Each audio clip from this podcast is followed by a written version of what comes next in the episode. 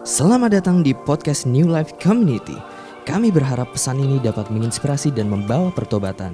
Kami berdoa Anda dapat merasakan Tuhan bekerja secara nyata dalam hidup Anda. Selamat mendengarkan.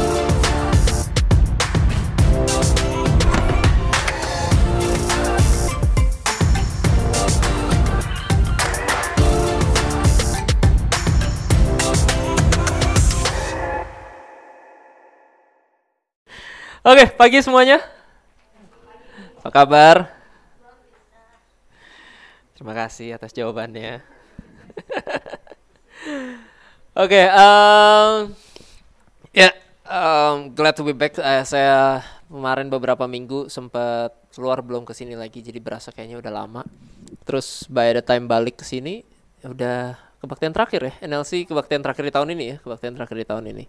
Dan dan let's um, ya kita hari ini akan berbicara satu tema yang yang I think di akhir tahun udah paling pas. Yaitu kita bicara tentang gratitude.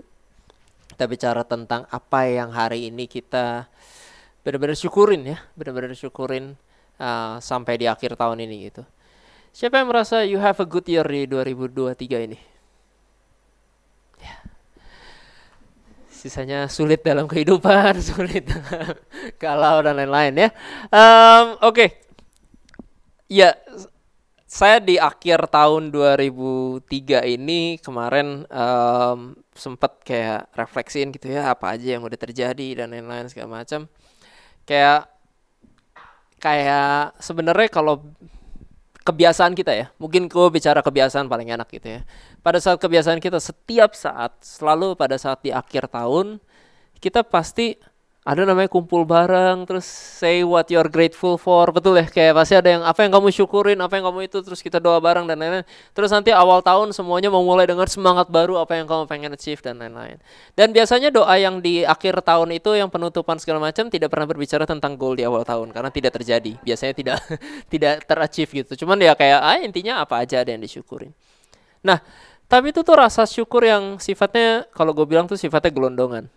Ngerti jadi kayak ya udah the whole year 2023 bagus apa jelek? Bagus gitu. Tapi apakah rasa syukur setiap akhir tahun sekali kayak gitu cukup? Ngerti ya? Apakah itu udah menghidupi kita sebagai orang yang penuh syukur? Atau itu cuman karena habitual sudah berpuluh-puluh tahun, berbelas-belas tahun kita menghidupi kehidupan kita akhir tahun pokoknya ya udah bersyukur aja. Nah, hari ini yang saya pengen bicara bukan sekedar di akhir tahun, ayo kamu coba inget-inget terus kamu bersyukur ya tahun ini udah baik. No, tapi kita belajar transisi gimana caranya dari yang sifatnya cuma tahunan menjadi sifatnya harian. Untuk bersyukur secara setiap hari, bersyukur secara menjadi sebuah habit, menjadi gaya kehidupan yang kita pengen ambil. Oke? Okay? Jadi hari ini kita akan bicara soal itu. Nah, Filipi 4 ayat 12 sampai 13 gini. Dia bilang, kelihatannya semua ya? Maaf uh, kalau agak kecil. Jadi Filipi 4 ayat 12 sampai 13 dibilang I know what it is to be in need and I know what it is to have plenty. I have learned the secret of being content in any and every situations, whether well fed or hungry, whether living in plenty or in want. I can do all this through him who gives me strength. Ini Paulus yang bilang bahwa aku sudah menemukan rahasia dalam hidup menjadi hidup berkecukupan, contentment atau miliki rasa cukup. Nah, gratitude is one of the keys to living life of contentment. Contentment kan berbicara tentang kamu bisa berkata cukup pada saat Paulus cerita di sini, baik pada saat lapar maupun kenyang. Ya, kalau on normal behavior kan kita bilang cukup pada saat kita kenyang. Nambah lagi nggak? Nggak udah begah gitu kan ya. Atau pada saat lagi berhasil, oh udah all good, all things achieve. Tapi pada saat lagi kurang, can you feel content? Bisakah kamu masih merasa kamu kehidupan kamu terpenuhi, cawan kamu terisi, kamu nggak kekurangan suatu apa pun di saat kita lagi kurang?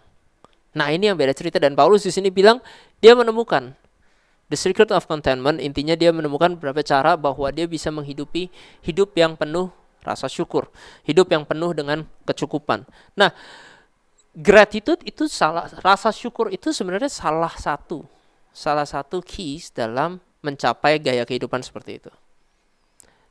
Gue pribadi pas gue baca ayat ini, gue nggak pengen sampai gue umur 50 baru gue found the secret of contentment. Ngerti ya baru bisa bilang, oh ya gue sekarang sudah berkecukupan dan lain-lain when I get older. Kalau kita bisa dari usia lebih muda, kenapa enggak? Hari ini kita di usia muda kita, kita chasing everything yang kayaknya kita kurang. Ya kayaknya kita lagi kurang soal financial, dan kita kejar gila-gilaan financial. Kita lagi kurang soal achievement, kita gila-gilaan kejar achievement. Kita lagi kurang soal appreciation dari others, kita gila-gilaan kejar apresiasi dari orang lain.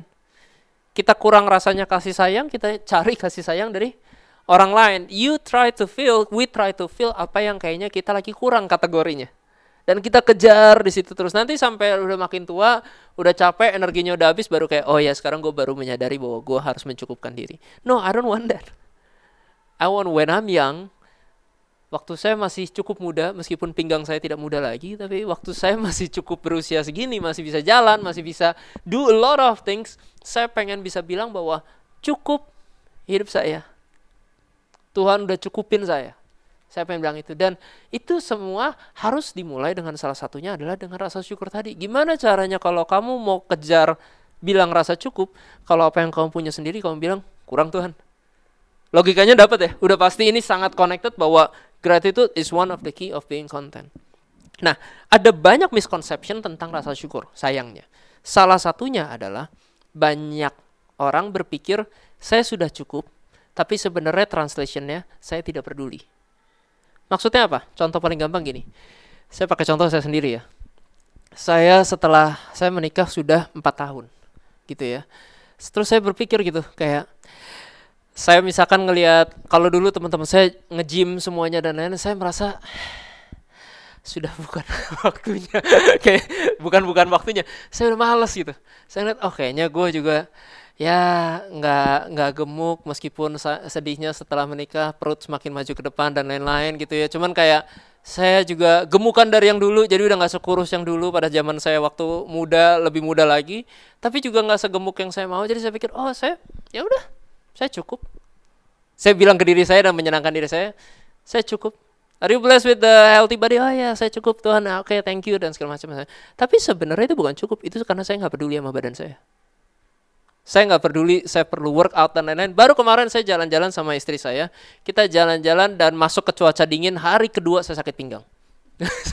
kita jalan 11 hari, 2 sampai 9 gue udah jalan sebentar, gue udah tempel koyo di kiri kanan, kiri kanan, kiri kanan. Kita nyampe ke sana beli koyo banyak banget yang panas lah, yang dingin segala macam. 33 dan badan gue udah kayak gitu. Kena dingin doang, kena apa segala macam. Jalan sepanjang jalan tempel koyo.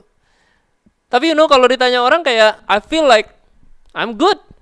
Nggak kenapa-napa dan lain I don't need to do anything about it. I'm good, no complain. Tapi itu bukan rasa syukur. Itu karena saya nggak peduli. Nangkep bedanya? Nah, jadi kadang-kadang kita ada di situasi di mana pertanyaan kamu, hey, are you good with your life? Misalkan di financial kamu, di pekerjaan kamu, oh ya, yeah, I'm good. Bukan berarti itu mensyukuri loh. Kadang-kadang karena simply kita nggak peduli aja. Once the pressure comes in, waktu pressure kayak tadi ada, pressure saya di saya, pressure tuanya adalah sakit pinggang, pressure-nya ada baru kayak, oh I know I'm not healthy. Man, ternyata gue separah ini gak healthy-nya. Kena dingin loh. 33 kena dingin doang sakit pinggang. Tuh gimana ya? Belum ngangkat, cuman ngangkat ransel. Ransel bahkan gak ada isinya. Ranselnya cuman isinya tripod bini gue sama koyo. Sedih banget kan sakit pinggang. Tua banget gitu loh. Ya tapi tapi um, gue menyadari bahwa kadang-kadang gue mengecilkan dengan selubung bersyukur. Aman-aman aja, baik-baik aja. Padahal itu some things yang Tuhan mau juga lu kerjain dalam hidupan lu. In your relationship bersyukur nggak? Ah, bersyukur, bersyukur, aman, aman, aman. Karena tidak ada masalah, aman. Tapi bukan berarti kita mensyukuri dan mengapresiasinya. That's another story. Ya, ini misconceptions yang pertama yang yang make sure semoga di akhir hari ini kita bisa ingat dan bisa reflect balik. Ada nggak hal-hal yang kita nggak sadar kita bilangnya kita bersyukur atau kita cukup padahal kita sedang apatis sama hal itu. Kita sedang tidak peduli sama hal itu. Ya? You know to check. So if gratitude is one of the keys to living a life full of contentment pertanyaannya hari ini adalah are you content apa enggak? Pertanyaan besarnya kalau kita bilang di 2023 ini kau merasa kamu cukup apa enggak? Tadi kamu udah dengar misconceptionnya jangan sampai salah paham. Benar enggak sih kita merasa cukup Saya tahu sebagai Kristen kita dari dulu bilang God is more than enough. Betul ya? Ajaran nyanyian lagu dan lain sebagainya. Tuhan lebih dari cukup buat kehidupan kita. Tapi benar nggak kita menghidupi kehidupan kita seakan-akan Tuhan lebih dari cukup dalam kehidupan kita? More often than not, sadly, saya tidak demikian. Seringnya. Kenapa? Ada di setelah ini kita akan bahas satu-satu. Salah satu ciri-ciri kenapa kita tidak konten. Ada beberapa blockers, ada beberapa batasan yang di dalam kepala kita.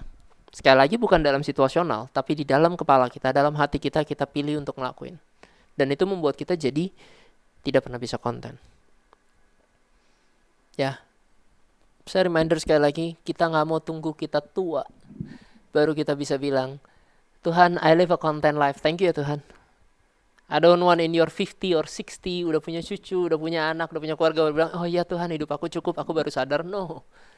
If in your 20s kamu bisa bilang hidup kamu cukup, percayalah di hari-hari kamu bekerja namanya hidup dengan kecukupan, dengan rasa kecukupan dan pergi bekerja sama rasa kekurangan pergi bekerja itu sangat berbeda loh mentalitasnya.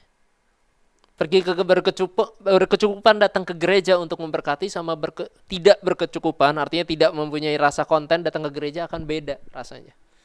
Kenapa lebih baik memulai ini dari sejak muda supaya dari sini sampai ke depannya kita ada transformasi di kehidupan kita. Hidup kita jadi bukan sibuk nungguin siapa yang ngisi kekosongan saya, tapi gimana cara saya bisa isi kekosongan orang lain. Betul ya, ini yang kita pengen kejar. Nah, what are the blockers? Ada yang tadi saya bilang bahwa ada beberapa hal yang membatasi kita untuk bisa merasa konten. Yang pertama, ayat eh, James 3, Yakobus 3 ayat 16 dibilang for where you have envy and selfish ambition, there you find disorder and every evil practice.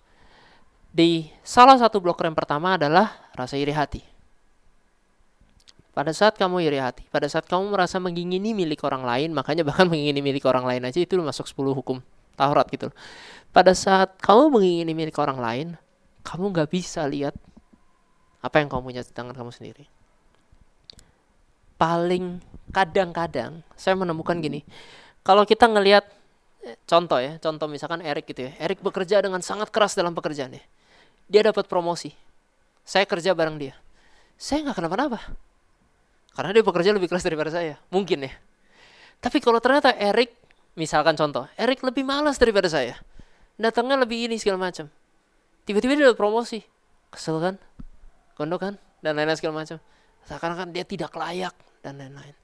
Nah, kadang-kadang kita banyak kamus, banyak alasan untuk membuat kita merasa bahwa saya lebih layak, saya lebih dapat dan intinya pada intinya tapi apa? Yang kamu pengen adalah yang orang lagi, orang lain lagi itu lagi lewatin. Betul ya? Baik promosi di hari itu, kesuksesan di hari itu, pacar di hari itu, dia punya pacar duluan daripada kamu dan lain-lain segala macam. Itu hal-hal yang membuat kita pengen duluan aja daripada mereka. Seharusnya saya yang dapat dulu daripada mereka. Seharusnya yang enjoy. Padahal di tangan kamu banyak hal lain yang sedang kamu terima. Saya belajar salah satu waktu itu dari sebenarnya dari dari cerita lama gitu. Jadi ada ada anak kecil dia kayak dia kayak ngelihat anak kecil tuh paling sering kalau kamu lihat anak-anak kecil main, Aiden misalkan main sama anak orang, ketika anak orang pegang mainan apa, dia pasti pengen juga pegang mainan itu. Padahal di tangan dia ada mainan. Sering lihat kan pasti kan? Sering lihat seperti itu bahwa ketika ada anak lain pegang mainan apa, anak kecil itu akan ngeliat kayak, eh, kayaknya yang dia mainin seru dan dia pengen ambil. Itu dari dua tahun loh. Kita sudah tanpa sadar pengen punya orang lain. Nah, so, dibilang kayak gini bahwa instead of focusing of what you don't have, shift your attention to what they don't have and how you can help them. One of the ways untuk mengerti mem, mem melawan envy atau rasa iri hati tadi adalah kamu mesti tahu dulu apa yang kamu punya. Problemnya karena kita tidak pernah mencoba fokus untuk tahu apa yang kita punya, kita selalu merasa kurang karena kita merasa kita nggak punya apa-apa. The first step is just sit down and understand what do you have. Envy ini bisa munculnya turunannya banyak loh. Bukan hanya mengini orang lain. Orang yang minder itu bisa jadi karena envy juga loh. I don't have that, I don't have that. Orang lain yang punya, oh, orang lain aja yang maju. Tapi dalam hatinya I wish I have that. I wish I have that. Sama aja. Kalau kamu nggak sadar apa yang kamu punya, gimana caranya mau bersyukur? Dan kita sibuk kalau saya punya itu baru bisa. Kalau saya punya itu baru saya lebih happy dan lain-lain. Nah, di sini saya punya pertanyaan besarnya, what are your source of envy today? Ini yang kalian refleksikan di rumah. Source of envy bukan berbicara source of envy saya adalah Instagram. Kalau saya ngelihat orang lain ngepost, hati saya gundah. Enggak. Lebih dalam dari itu. Ya, saya kalau ngelihat orang jalan-jalan, saya juga kesel gitu kayak, kok enak ya hidupnya gitu. Tapi orang itu juga, saya juga jalan-jalan, jadi orang juga ngerti ya kayak ya ada orang lain yang kesel juga. Masalahnya bukan di TikTok atau Instagram kok. Masalahnya lebih dalam dari sana. Jadi ketika ditanya what are your source of envy today, hari ini apa yang di dalam hati kamu sebenarnya kamu lagi jadi kamu lagi Tuhan kan, kamu lagi cariin itu sebagai nomor satu yang kayaknya kamu kurang. Maka area apa pun, bukan cuma lewat Instagram, TikTok. Ketika kamu ngelihat orang lain dapetin dan kamu enggak, kamu akan merasa iri hati. Contohnya apa? Money, freedom. Freedom itu juga doh. Saya pas muda dulu saya pengen banget punya freedom dalam arti bikin keputusan tapi karena keluarga saya cukup dekat dan mengawasi saya dengan mata elangnya saya merasa saya tidak punya freedom. Jadi ketika saya ngelihat anak anak lain bebas kayak asik ya hidupnya gitu bodoh sekali tapi itu kayak gitu. Money freedom companions teman-teman persahabatan. Ih teman-temannya dia enak ya. Gile kalau dia lagi susah dia lagi stres dan lain-lain teman-temannya pada dateng pada ngepost gitu-gitu segala macam pada apa. Teman-teman gue kok nggak ada yang datang ya companions, achievements, appreciations. Appreciation, appreciation salah satunya. Saya nggak pernah di appreciate sama keluarga saya. Saya nggak pernah di appreciate sama teman-teman saya. Saya nggak pernah di appreciate istri atau suami saya. Ketika ada orang lain appreciate, enak ya? Oh aturan kayak gini dong. Iri hati seperti itu. Now, what are your source of envy today? Ini refleksi yang kalian perlu jalani di rumah sendiri. Ya, sekali lagi, bukan Instagram atau TikTok. Banyak kadang-kadang solusinya adalah mute dulu Instagramnya, vakum dulu, terus jadi orang gua selama dua bulan, nggak tahu apa-apa tentang dunia. Abis itu, oke, okay, aku udah rehat, aku kembali. Besokannya temannya ngepost, tetep aja akan kesel. Selama source-nya nggak dibenerin. Tetep akan kesel. So, find your source dulu. Apa sih yang menjadi trigger kita hari ini? Kenapa saya jadi kepengen yang punya orang lain? Apa yang kamu merasa kurang dari hari hari ini di hati kamu? Itu yang kita benerin. Oke. Okay? Next. Blockers yang kedua, 1 Tesalonika 5 ayat 18. Uh, give thanks in all circumstances, for this is God's will for you in Christ Jesus. Saya pakai title yang kedua, saya sebut di bawahnya impatience. Gak sabar. Artinya apa? Kadang-kadang, yang kayak tadi, saya nggak punya, misalkan, saya nggak punya money, concern ya. Terus saya bilang, saya mau pasang target berikutnya. Saya punya income 50 juta sebulan. Misalkan seperti itu, contoh ya. Sampai sebelum saya nyampe 50 juta sebulan, saya tidak bisa bersyukur. Coba ya. Ada banyak dari kita kadang-kadang kita memasang target dalam kehidupan kita, which is good. You need to set a goal, you need to set a standard. Tapi before achieving that dan lain-lain, kita jadinya overlook hal-hal yang lagi kita lewatin yang Tuhan lagi kasih gitu loh. Kamu tahu ada ada ada sebuah perumpamaan yang kayak kalau kamu sepanjang jalan jadi dia lewatin ladang gandum dia disuruh lewatin ladang gandum terus dia disuruh petik gandum yang paling tinggi intinya. Dia mesti cari gandum yang paling tinggi. Sepanjang jalan gandum itu. Dan orang itu jalan ada yang bagus ada yang kelihatannya tinggi dia nggak berani ambil dia nggak berani ambil dia nggak berani karena pikir nanti di ujung sana bakal ada lagi di ujung sana bakal ada lagi dia jalan terus jalan terus sampai di paling ujung akhirnya dia nggak petik apa apa ngerti ya? Karena dia melewati jalan itu harus tetap jalan terus cuman boleh sekali jalur dia cuma boleh petik sekali. Tapi karena dia nggak tahu apa yang paling bagus di target ini cuma satu ya udah cari yang paling tinggi. Tapi akhirnya pulang dia nggak bawa apa apa juga. Hidup kita itu pada saat perjalanan jernih kamu perjalanan kehidupan kita yang dunia tawarkan adalah cari yang paling bagus, cari yang paling tinggi, cari yang paling hebat, ngerti ya? Bahwa ada hal-hal bagus nih nanti depan sana, depan sana. Ayo kejar terus, kejar terus, jalan terus nih, jalan terus. Hidup benar jalan terus. Tapi we miss all the good things yang kita lewatin di samping kita. We miss all the good things yang Tuhan udah kasih hari ini kita lagi lewatin. Karena kita fokus kesannya on the big things. Banyak quotes yang bilang kayak, oh kesuksesan itu sempit nih. Maksudnya kayak nyampe di atas gunung sendirian memang you will be alone and lonely segala macam. I don't want that. Why should we? Padahal Tuhan mendesain kita untuk bisa mensupport sesama lain atau mendesain kita untuk kehidupan bersosial sama yang lain. Ya tapi apa yang dunia tawarkan translationnya ke arah yang lain. Ini yang kita harus berhati-hati. Sometimes we focus only on the big things. Sampai big things are happening, baru kita bisa bersyukur kalau kehidupan kita. Makanya kalau ditanya, kamu ada kebaikan Tuhan buat kamu apa di minggu ini? Nggak ada, aman-aman aja. Sering kan di komsel kayak gitu. kehidupan kamu apa? Aman-aman aja, tidak ada masalah, tidak ada terjadi besar. Kecuali gue tangannya putus terus nyambung lagi besokannya gitu loh. Atau atau gue sakit dramatis dan Tuhan sembuhin, baru gue kesaksian. Only focusing on the good things. Semua tahu cerita Musa ya, pasti pasti pernah dengar tentang Musa, I believe ya. Musa di tanah Midian, jadi Musa lari dari Mesir, tinggal di tanah Midian sampai dipanggil Tuhan melalui yang semak belukar yang kebakar itu.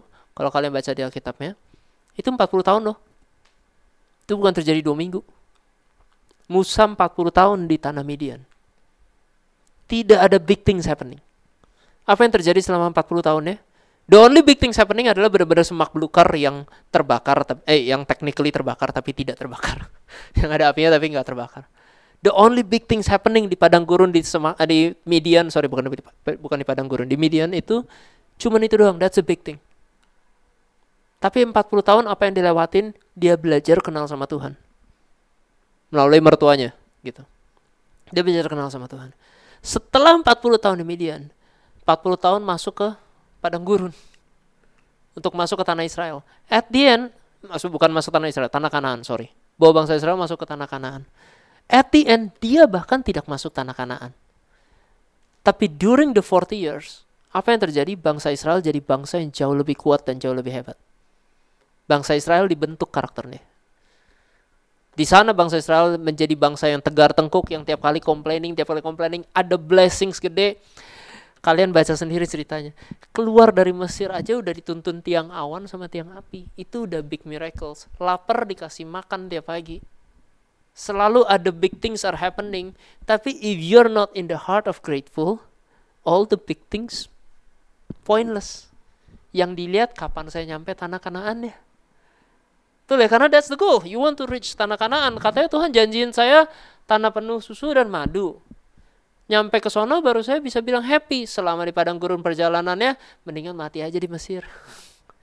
How many complaints Israel kayak gitu. Tapi sadly saya belajar itu saya ngelihat saya juga hidupnya kayak gitu kadang-kadang. Pengennya big blessings baru bisa ngomong, baru bisa thank you. Padahal di selama perjalanannya Tuhan udah kasih miraclesnya. Tapi kita cuma nunggu yang gede-gede. We are impatient, kita cuma lihat only janji Tuhan yang gede-gede. God is with you every single step. Tuhan ada sama kita setiap saat. 2023 itu bukan cuma ditutup dengan hari raya besar-besar, betul ya? Bukan cuma hari besar dalam satu ulang tahun hari kamu atau hari promosi kamu bukan di, bukan diisi dengan hari itu. 2023 diisi dengan 365 hari kehidupan kamu full. Dan 365 hari kehidupan kamu itu dipenuhi sama Tuhan. Problemnya kita sadar nggak? Hari-hari kita dipenuhi sama Tuhan apa enggak dan yang gue sering temukan itu. Gue nggak sadar hari-hari gue satu hari yang isinya cuman pagi jam 7 pagi berangkat kerja cepat-cepat karena hari ini ada meeting dan lain-lain. Pulang jam 9 malam macet di jalan dan segala macam. Pulang ketemu anak main bentar tidur selesai. Hari itu gue berasa nggak ada Tuhan. Padahal Tuhan ada nggak? Ada kan? But we skip that so many days. Karena focusing on our own stuff. Focusing on the big goals. Focusing dengan target-target mimpi-mimpi yang kesannya tinggi which is good. Again it's good to have a goals It's good to have targets. Tapi kalau lu cuman fokus sama goalnya, what goals are currently clouding your vision? Ya seorang berpikir vision itu berbicara tentang pandangan masa depan yang jauh. No, vision lu juga perlu ngelihat di mata lu, di depan lu, bener kan? Lu perlu mata lu untuk tahu supaya lu nggak kesandung sama apa yang di depan lu. Saat ini what goals are clouding your vision actually di mana lu perlu itu untuk jalan, untuk lu perlu itu untuk apresiasi hal-hal sekitar kita apa yang kita punya. Ya. salah satu pemain basket terkenal namanya Giannis. Nanti gue pernah cerita, eh gue lupa sih gue pernah ceritain soal ini apa enggak. Tapi dia pernah bilang kayak gini, dia di interview sama reporter kan. Jadi dia pemenang tim basket mereka basically baru menang championship tahun lalunya. Terus tahun ini, tahun berikutnya mereka gagal, nggak menang. Reporter tanya mereka, reporter tanya orang ini, lu merasa tahun ini lu tahun gagal nggak?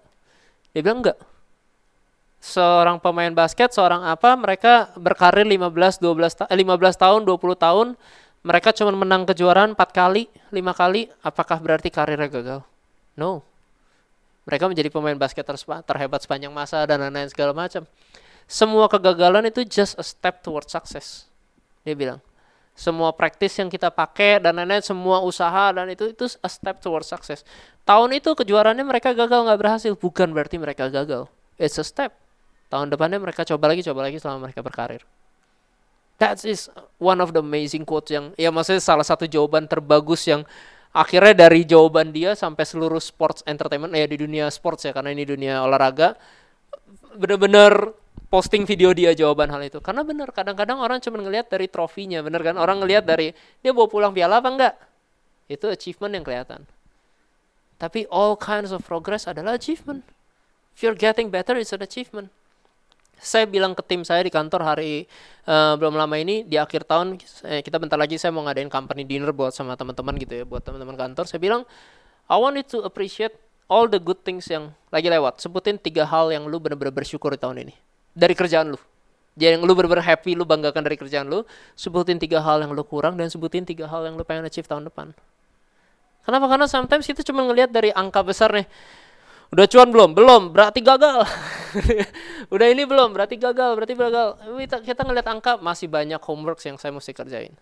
Tapi kalau kita ngelihat dari progresnya, kita ngelihat dari usahanya, there are so many achievement yang udah dilewatin. And we need to appreciate that.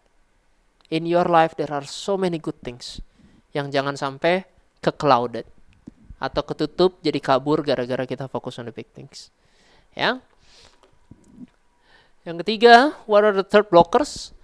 Filipi 4 ayat 6 sampai 7, Do not be anxious about anything, but in every situation, by prayer and petition, with thanksgiving, present your requests to God. And the peace of God, which transcends all understanding, will guard your hearts and your minds in Christ Jesus. One of the top three blockers adalah worry. Tadi ada yang kita iri hati karena kita nggak punya, karena kita nggak punya kita jadi set a huge goal di depan. Jadinya kita nggak bisa appreciate. Dan pada saat kita lagi pursunya apa hal yang paling sering terjadi? Worry. Can we achieve it or not? How about tomorrow?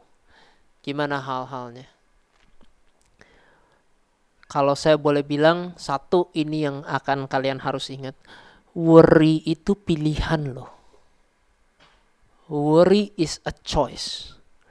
It's like not it's not a natural it's natural in sense bahwa itu ada di setiap orang masing-masing. You can feel worry. Tapi pada saat kamu menjalani kehidupan kamu kamu mau worry apa enggak? Kamu mau khawatir apa enggak? Itu pilihan loh.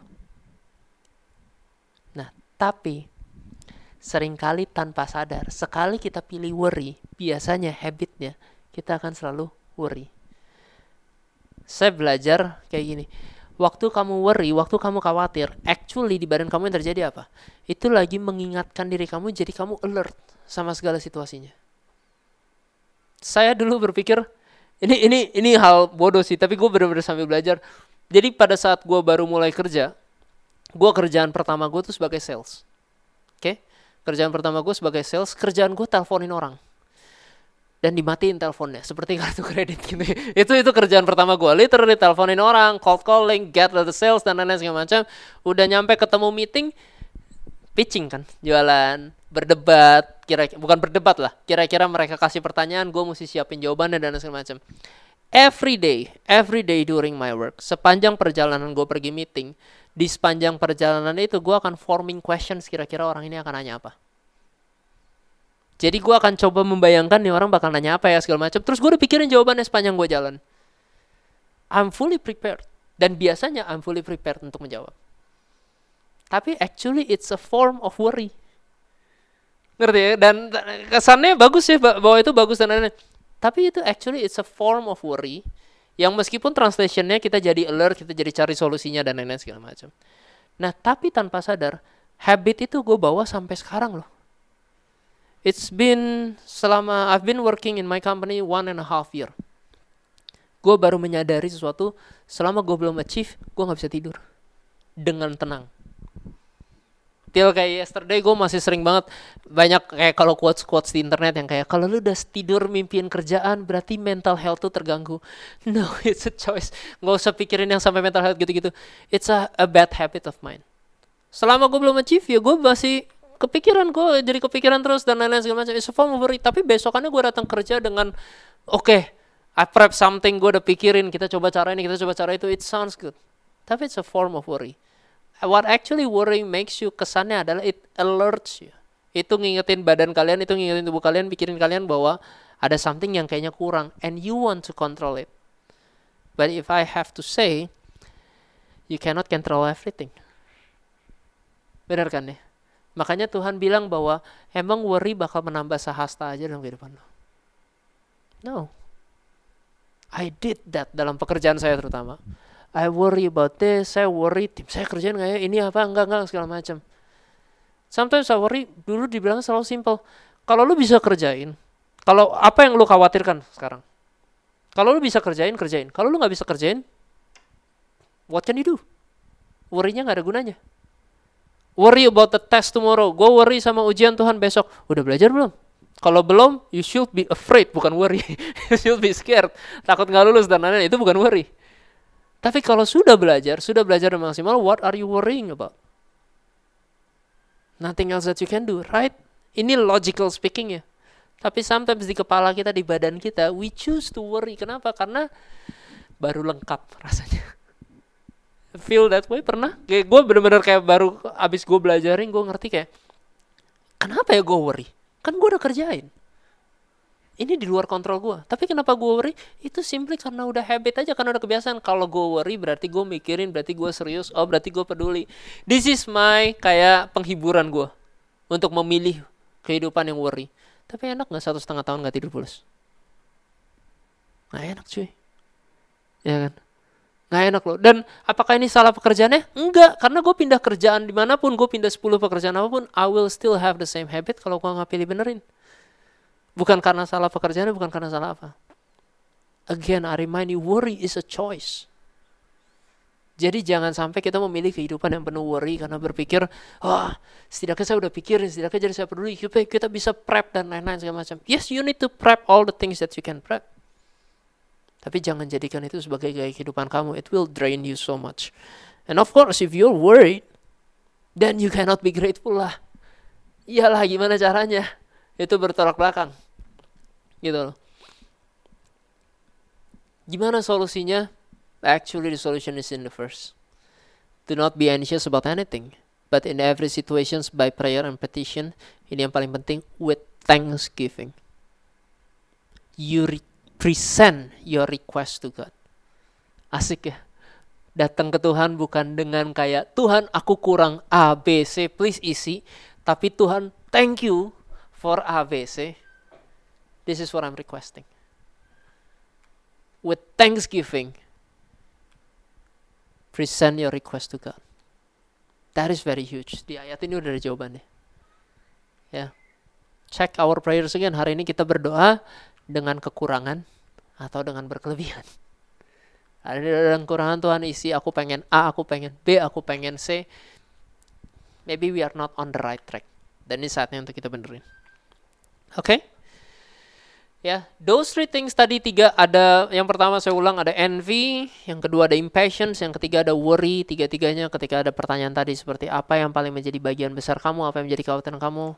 Pada saat kamu cek nanti di rumah, pada saat kamu pikir pelan-pelan di tahun ini, kamu pasti menyadari bahwa semuanya leading pasti sama. Biasanya apakah kalau money ya udah semuanya akan related with money. Kalau relationship semuanya akan related with relationship. Companionship, appreciations dan lain-lain segala macam semua akan ditarik sana. That's why check it benar-benar. Ngobrol benar-benar. Saya menyadari banyak di kehidupan saya, oh, saya kejar apresiasi orang. Karena dulu saya tidak pernah diapresiasi. Ya, pilihannya mau kita menjadi orang yang menyalahkan karena dulu saya A, dulu saya B, saya C, atau menjadi orang yang lebih baik di kehidupan berikutnya. Ngejar apresiasi orang capek nggak? Capek lah cuy. Ngejar duit terus capek juga nggak? Capek juga kan. Ngejar semuanya yang tadi kayak gue sebutin ada money, appreciation, freedom, convenience segala macam. Itu nggak akan ada habisnya. Nggak akan ada habis kejarnya. Makanya kita akan mengejar namanya kecukupan, understanding kecukupan dalam kehidupan kita. Ini yang kita pengen kejar. Ya, what are the practical things we need to do? Kolose 3 ayat 15 sampai 17 ini adalah the solutions yang yang I try to think dan da, bukan think ya sorry tapi apa yang Tuhan udah ngajarin ke gue selama ini dan sayangnya gue masih punya PR banyak untuk mempraktekannya. Kalau ayat 15 sampai 17 let the peace of Christ rule in your hearts since as member of one body you were called to peace and be thankful. Let the message of Christ dwell among you richly as you teach and admonish one another with all wisdom through psalms hymns and songs from the spirit singing to God with gratitude in your hearts And whatever you do, whether in word or deed, do it all in the name of the Lord Jesus, giving thanks to God the Father through Him. Kepanjang ya, maaf. Tapi count your blessings bicara tentang ini. Saya pernah ketika yang saya lagi doa, saya yakin saya pernah ceritain soal ini gitu. Ketika saya lagi lagi complaining ke Tuhan, saya nggak, saya unhappy dan lain-lain segala macam. Tuhan bilang, count your blessings. Simple, that three sentences. That three words, sorry. That three words. Cuma bilang count your blessings. Dan di sepanjang jalan itu saya coba benar-benar inget-inget sebisa mungkin blessings Tuhan apa aja. Dari hal paling bodoh seperti kau masih dikasih udara pagi ini. Itu I mention it sampai ke hal-hal lainnya. Tapi hal-hal lainnya I try to imagine karena saya punya banyak kenalan dan lain saya tahu ceritanya teman-teman yang kayaknya cerita teman-teman yang kayak orang tuanya A, orang tuanya B. Jadi all the little things, all the possibilities, saya be thankful about it. Setidaknya saya dalam kondisi ini. Saya masih punya pekerjaan. Saya masih ini. Saya coba sebutin sebanyak-banyaknya. Tapi ternyata nggak perlu usaha keras untuk sebutin sebanyak-banyaknya. Seriusan. You sit down for 15 minutes and try to think about God's blessings. Benar-benar. It actually, lu bakal sadar bahwa lu, you cannot count it you cannot count it. Jadi pas saya udah mulai ngitung, ngitung, ngitung, ngitung sedikit kayak banyak ya. Gue nggak kurang loh. Kurangnya karena gue memilih kayaknya gue kurang. Tapi gue nggak kurang sama sekali loh. Jangan sampai orang lain yang ngomong itu ke kita eh lu tuh diberkati. Udahlah jangan komplain. Uh gue paling benci kalau gitu. Kesel banget denger denger gitu. Oh you don't know what I'm going through. Emang bener ya? And nobody knows what you're going through. Nobody knows. Only yourself. Cuman lu yang tahu uh, what you're going through. Tapi karena lu yang paling tahu what you're going through when you sit again and get connected sama Tuhan lu juga tahu bahwa lu yang paling diberkati. Lu nggak kalah hidup lebih susah dibandingin orang lain. Ngerti ya Sayangnya di zaman kita masih ini, kita sukanya adalah comparing kehidupan. Dia mah enak, keluarganya kaya. Dia mah enak kenal sama bosnya. Dia mah enak A, B, C, D, E segala macam. Why we are doing that? Benefitnya buat apa? Gak ada. Just to make us feel better. Karena dia punya jam start itu, makanya dia bisa nyampe sini. Gua nggak bisa, ya mau gimana? Itu just to make us feel better. But don't do that. Jangan pernah ngelakuin itu lagi. Ya. You have your own life. Kamu nggak tahu hidup orang lain. Seperti yang tahu hidup kamu cuman kamu sendiri. Paling tahu, yang paling tahu hidup kamu ya kamu sendiri. Jadi kalau mau belajar bersyukur, belajar bersyukur sama kehidupan kamu sendiri, bukan kehidupan orang. Hitung whenever you are in doubt kayaknya kok berkat Tuhan belum datang ya. Kok kayaknya apa yang gue percaya kok kayaknya gue lagi lewatin susahan kok kayaknya gue seharusnya nggak menghadapi hal ini tapi Tuhan kasih cobaan ini hitung. Sit down and count your blessings. And remind yourself again betapa Tuhan udah berkatin kamu. Ya. Yang kedua, Joshua 4 ayat 6 sampai 7 ayatnya dibilang gini, to serve as a sign among you in the future when your children ask you what do these stones mean, tell them that the flow of the Jordan was cut off before the ark of the covenant of the Lord. When it crossed the Jordan, the waters of the Jordan were cut off. These stones are to be a memorial to the people of Israel forever. Have a physical reminder about God's blessing. Ini lagi bercerita tentang Yosua Jadi dia suruh ketika Yosua yang masuk di tanah Kanaan nyebrangin sungai Yordan. Nah, dia suruh pemimpin-pemimpin 12 bangsa, 12 suku dari Israel itu, setiap kepala sukunya disuruh ngambil batu. Oke, batu itu terus disusun jadi kayak apa? monumen, monumen batu kecil gitu ya, 12 gitu, 12 batu. Dan dia bilang kayak gini, supaya nanti sampai anak cucu kamu yang ngelihat batu ini bisa ingat bahwa Tuhan nyebrangin bangsa Israel ke tanah ini. Bola tabut perjanjian yang tadi cerita ini, tabut perjanjian dan lain-lain segala macam. Tuhan cut off the Jordan River dan ini. Jadi setiap kali kamu ngelihat batu ini, kamu ingat kebaikan Tuhan. Yosua diminta Tuhan untuk melakukan hal itu. Sometimes ingat cuman tadi yang pertama kalau kita disuruh ingat-ingat, hitung-hitung, kadang-kadang kita juga bahkan lupa yang kemarin kita baru terjadi ngapain. Benar kan ya? Having a physical reminder about your di dalam rumah kamu, di dalam hal kamu, dalam kehidupan kamu itu sangat bagus. Saya punya, saya membentuk, saya mulai sama Yohana bikin tradisi kecil kalau kita lagi jalan-jalan keluar gitu ya maksudnya segala macam, kita beli apa tempelan kulkas. Turis luar biasa kan, turis banget gitu loh. Turis banget yang nyampe di rumah tuh diambil sama anak gua dibanting ke lantai. maksudnya kita beli tempelan kulkas, ya udah terus kita tempel di kulkas kamar kita. But it serves as a reminder waktu lu worry waktu waktu gue lagi kayak kemarin aduh lagi susah nih kerjaan lagi apa segala macam gue lihat kadang-kadang jadi inget Tuhan bawa jalan-jalan loh this is something yang gue nggak pernah pikirin dulunya bahwa gue bisa jalan-jalan sendiri dengan dengan nabung dan lain-lain segala macam ya gitu loh Tuhan bawa pernah bawa ke sini loh Tuhan bawa ke sini it serve as a physical reminder it's one of the small example ya Gua nggak mengajarkan kalian untuk jadi hoarding, punya sejuta gudang dan lain-lain segala macam. Yang punya banyak barang ini berkat Tuhan bukan bicara seperti itu. Tapi have a good strong physical reminder, barang yang bisa kalian lihat. Or even kadang-kadang frame foto, video dan lain-lain segala macam. It reminds you of the good things yang Tuhan udah kerjain. This is two of the practical things yang kita bisa kerjain. Ya. So, Gratitude is a choice. It is not based on external situations, but based on the decision of your heart. Ingat, kamu bersyukur bukan karena situasi kasih kamu, ka, situasinya membuat kamu bersyukur. Ngerti ya? Tapi kalau kita bersyukur karena hati kita memilih untuk bersyukur. Nggak perlu tunggu situasinya. Yeah, I'm gonna close out with this. Um, dari saya pribadi, saya sendiri belajar banget. Saya kebanyakan tunggu bersyukur itu memang pas achievementnya nyampe. Target pekerjaan, goalnya tercapai, baru saya bersyukur goal yang terlihat sangat sulit ini Tuhan sudah bawa sampai berhasil. Terus biasanya di akhir-akhir baru saya bilang thank you Tuhan di pekerjaan ini saya diberkati dan lain-lain. Tapi di hari-harinya dalam prosesnya saya melupakan untuk mensyukuri mensyukuri tim yang saya punya, progres tim yang dipunya gitu loh. Pekerjaan yang saya kerjain, gagal dan berhasil yang saya lewatin, saya kadang-kadang lupa untuk mensyukurin hal itu. Saya cuma fokus nyampe goalnya dulu aja baru selesai, baru tenang. Ya. Ya, di sini saya mengingatkan diri saya juga pada saat saya siap ini saya mengingatkan diri saya bahwa kita nggak tunggu situasi berubah dulu sih. Kita mau mensyukuri NLC, bukan tunggu semua kursi terisi penuh, gerejanya bertambah jadi dua gedung, ruangannya jadi lebih besar dan lain-lain segala macam. Bukan tunggu itu toh. Dari siapa pun yang ada datang di tempat ini sangat penting ya benar nggak? Bersyukur siapa pun orang yang ada di ruangan ini, siapa pun orang yang sharing datang ke komsel dan lain-lain itu sama pentingnya.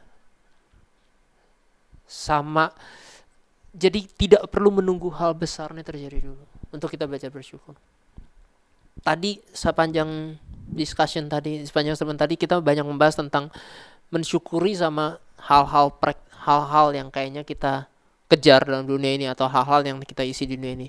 Tapi ada ada one of the biggest things yang saya merasa paling penting juga adalah mensyukuri tentang relationship yang kau punya masa sama kamu.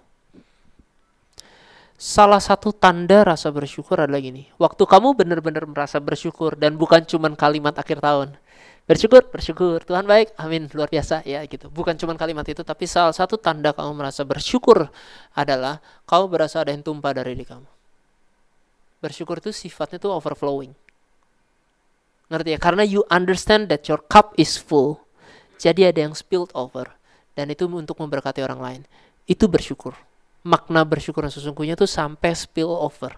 Sampai ada yang tumpah dari diri kamu. Ngerti ya? Jadi kamu bayangin seluruh discussion tadi tentang standarnya bersyukur yang Tuhan mau. Itu bukan cuma berbicara memperkatakan, iya saya happy, saya bersyukur, saya cukup Tuhan. Tapi cukup tuh, cukup di kata kalimat Tuhan itu melimpah. Yang sampai orang-orang sekitar kita bisa menikmati buahnya my target for myself. Gue pengen di tahun ini dan tahun depan dan seterusnya. Gue bisa punya kehidupan yang melimpah. Jadi nggak pernah habis buat berkatin orang. I think dua bulan eh bulan lalu apa dua bulan lalu ya kayaknya gue baru sharing di sini ya dua bulan lalu I guess lupa gue dua bulan lalu dan uh, I think I mention gitu kayak gue lagi berasa drain drain adalah salah satu tanda gelas kita kosong Bener ya? Gak ada lagi yang mau dibagi. Capek. Tapi Tuhan bilang ketika cukup menemukan rasanya cukup meskipun kamu lagi berasa kayaknya kurang, tapi ada yang melimpah dari diri kamu dan kamu bisa bagiin banyak-banyak orang. That's my goal for this year menutup sampai akhir tahun ini dan sampai tahun depan. Gitu. I feel so lacking beberapa kali bahwa ada yang mau cerita aku aja susah. Dengerin ceritanya aja masih mending. Mau mau melakukan sesuatu hal-hal lagi lainnya I have no energy kayaknya capek. Kerja aja pulang hari biasa itu nyamper rumah. Gue menyadari Andre sama Jason tinggal di Kelapa Gading kantor gue di Kelapa Gading. Mereka ke Komsel itu hari Rabu tuh pulang malam. Nyampe rumah jam berapa? Andre Justin setengah sebelas sebelas ya sekitar jam 11 ya. Gue pulang kerja gue pergi ke kantor karena kantor gue jam 9 rata-rata. Terus gue baru ngoceh di kantor yang kayak ayo semuanya mesti masuk kantor. Jadinya gue juga jadi gue nggak bisa hybrid lagi gue mesti datang lebih pagi dari mereka kadang-kadang. Jadi gue mesti jalan setengah 8 buat nyampe kantor yang jam 9 setengah 9 jam 9 dan gue pulang kadang-kadang dari sono gue baru selesai kerja itu jam 6 setengah 7 either gue di jalan dua jam atau dua setengah jam baru nyampe rumah gue setengah sembilan atau mendingan gue makan dulu which is nyampe rumah juga tetap setengah sembilan. Ngerti ya? Pilihannya sama aja. Jadi gue nyampe, nyampe rumah jam delapan setengah sembilan. Suruh gue mikirin kasarnya mikirin tentang gereja mikirin tentang yang lain segala macam. No energi sorry. Kadang-kadang main sama anaknya capek. Ngobrol sama bini aja kadang-kadang udah capek. Mau mikirin yang lain-lain ah nggak bisa. Capek capek capek. Drain drain banget drain. I feel that way tapi gue aduh this is shameful. Gue bercerita tentang kayak gini segala macam tapi gue kadang-kadang berharapnya situasi gue berubah dulu baru gue bisa keisi lagi. Tapi sometimes Tuhan pengen bilang enggak loh kalau situasinya nggak berubah gimana? Kalau situasinya nggak berubah apa kalau nggak bisa berkatin orang? Nah, jawabannya masih bisa. Dan itu yang gue berharap kita bisa pelajarin. Hey if you want to learn about grateful, one of the simplest thing. Tadi ada dua practical things, tapi ada satu yang ada satu tambahan lagi. Learn to appreciate the people around you. Learn to appreciate the kindness the people around you. It might be small. Gereja kita sangat kecil. Ini lagi rasa pandemi ya sebenarnya. kebaktian rasa pandemi. Gereja kita sangat kecil. Gitu loh. Jumlahnya kita terbatas. But learn to appreciate the people around you. Learn to say thank you, thank you for the friendship. It's small things. Thank you for the friendship itu kayak basic banget. Thank you udah jadi teman gue. Ya ampun kesian banget kayak gak punya teman. Tapi thank you. Learn to appreciate the people around you. Learn to be to be grateful sama komunitas yang Tuhan udah percaya di sini. Then you can grow. Karena before that, before doing that, tanpa kita mensyukuri apa yang Tuhan udah kasih duluan, poin-poin tadi di atas berlaku tempat lain lebih hijau, di sana lebih membangun komunitasnya. Tahu dari mana? Di sana lebih ini, lebih itu dan lain-lain segala macam. Saya bukan bicara soal gereja, saya bicara soal lingkungan kamu. Baik di pekerjaan kamu, di keluarga kamu, hey, di keluarga kamu, di persahabatan kamu, di pacar kamu, di teman baik kamu, di istri kamu, suami kamu. Rumput tetangga nggak selalu lebih hijau. We need to learn how to appreciate and be grateful of the people around us dulu. Dan again, bukan berdasarkan external situations. Artinya bukan berdasarkan apa yang mereka kerjain ke kita. Even yang mereka kerjain ke kita nggak sesuai ekspektasi kita. Can I be grateful for the relationship? I can. because it's a choice. Ya. Yeah. I hope this serve as a reminder. Boleh saya undang tim Present Worship? I hope this can uh, serve as a reminder buat kita semua. Um, hari ini kebaktian terakhir NLC di tahun 2024 eh 23 24 udah loncat setahun. Tahun 2023 and um, kita minggu depan saya sedikit pengumuman dulu. Minggu depan kita ada uh, Natalan ya Natalan gabungan di uh, seberang. Oke okay? jadi uh, make sure pada join Natalannya. Um, kita ya bakal pelayanan bareng semuanya di sana. Atalannya ada dua ibadah jam 7 sama 10.30. Please feel free to pick your time. Saran saya datang lebih pagi karena parkirannya um, akan seperti tawuran ya. Jadi uh, please set your time antara jam 7 sampai 10.30. Um, ya, yeah, I really expect semoga kita menjadi orang-orang Kristen yang jangan Natalan doang atau jangan nanti pas tahun baru baru semangat semangat awal tapi menjadi orang-orang yang benar-benar hidup sehari-hari sama Tuhan itu. Let's close this year with a gratitude, with a gratitude towards our life yang Tuhan udah percayain, with a gratitude towards one another. Again, waktu kita datang ke tempat ini ke NLC, itu pilihan kita maybe. Tapi siapa yang lagi duduk di sebelah kamu, siapa orang-orang sekeliling kamu itu rencana Tuhan. That's what I believe. Siapa yang Tuhan udah taruh di ruangan ini, yang ada di NLC, di gereja kita, di Sungai Yordan semuanya, itu adalah rencana Tuhan, itu titipan Tuhan. And let's learn how to be grateful with one another. Ya, yeah, I believe when we start doing that, big things are happening. I believe that. Yeah. so let's close this with a prayer. Bapak sekali lagi kami bersyukur Tuhan atas kebaikanmu. Kami percaya Tuhan bahwa Engkau sudah membimbing kami, Engkau menyertai kami, dan tidak pernah sekalipun sebenarnya ada satu hari di mana kami kekurangan. Tapi kadang kami yang merasa kekurangan, kadang kami yang merasa tidak cukup, kadang kami yang merasa masih perlu diisi. Tapi ajar kami untuk lebih aware, ajar kami untuk lebih sadar bahwa sebenarnya kami lebih dari cukup karena Engkau Allah yang lebih dari cukup dalam kehidupan kami. Dalam hari-hari kami Tuhan, kalau kami lupa, kalau kami kadang jauh, kami lupa bahwa Engkau udah berkatin kami, kami lupa Kau udah jaga kami. Bantu kami Tuhan, ingatkan kami. Buka hati kami. Supaya it can be a reminder for us Tuhan. Buat kami belajar menghitung kebaikan-Mu dalam kehidupan kami.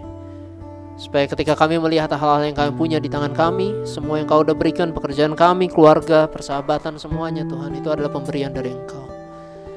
Dan lebih daripada itu Tuhan, Our gratitude bukan cuma bersifat mensyukuri apa yang kamu, engkau udah berikan kepada kami, engkau yang, yang engkau udah percayakan buat kami. Tapi itu bersifat untuk spill over itu bersifat lebih dari cukup. Supaya ketika kami bersyukur, kami mensyukuri apa yang kami punya, orang-orang sekeliling kami juga bisa merasakan kebaikanmu Tuhan dalam kehidupan kami. Orang-orang sekeliling kami bisa merasakan kasihmu yang begitu besar buat kami, jadi kami bisa ngampunin orang lain. Kasihmu yang begitu besar buat kami bisa bikin kami jadi sabar sama orang lain, bikin kami jadi bisa mengasihi mereka tanpa batas, bikin kami jadi bisa orang yang memberi tanpa menunggu balasan. Kami ingin jadi orang-orang yang benar-benar um, terpenuhi dan cukup Tuhan. Dan kami percaya Tuhan bahwa Engkau adalah Allah yang lebih dari cukup buat kami. Karena itu kebantu kami Tuhan di tahun ini dan tahun depan. Sadarkan kami terus bahwa kami sudah diberkati lebih dari cukup. Dan bersyukur sekali lagi atas kebaikanmu. Kami mau nutup ibadah di tahun ini Tuhan di NLC. Uh, eh, tetap setiap anak di tempat ini tidak ada satupun yang terlepas. Engkau yang terus jaga, Engkau yang terus jangkau. Hari demi hari kami supaya semakin dekat sama Engkau. Biar relationship kami bukan dibentuk, bukan dibentuk relationship uh, kami bersama Tuhan nggak cuma dibentuk di hari Minggu, tapi dibentuk setiap harinya dalam hari-hari kami juga Tuhan. Bersyukur sekali. Kita akan menutup ibadah kita. Boleh saya undang semua jemaat untuk bangkit berdiri. Terima kasih sudah mendengarkan podcast ini. Kami berdoa Anda diberkati melalui pesan yang telah disampaikan. Mari sapa kami melalui Instagram at dan bagikan pesan ini supaya lebih banyak orang yang diberkati.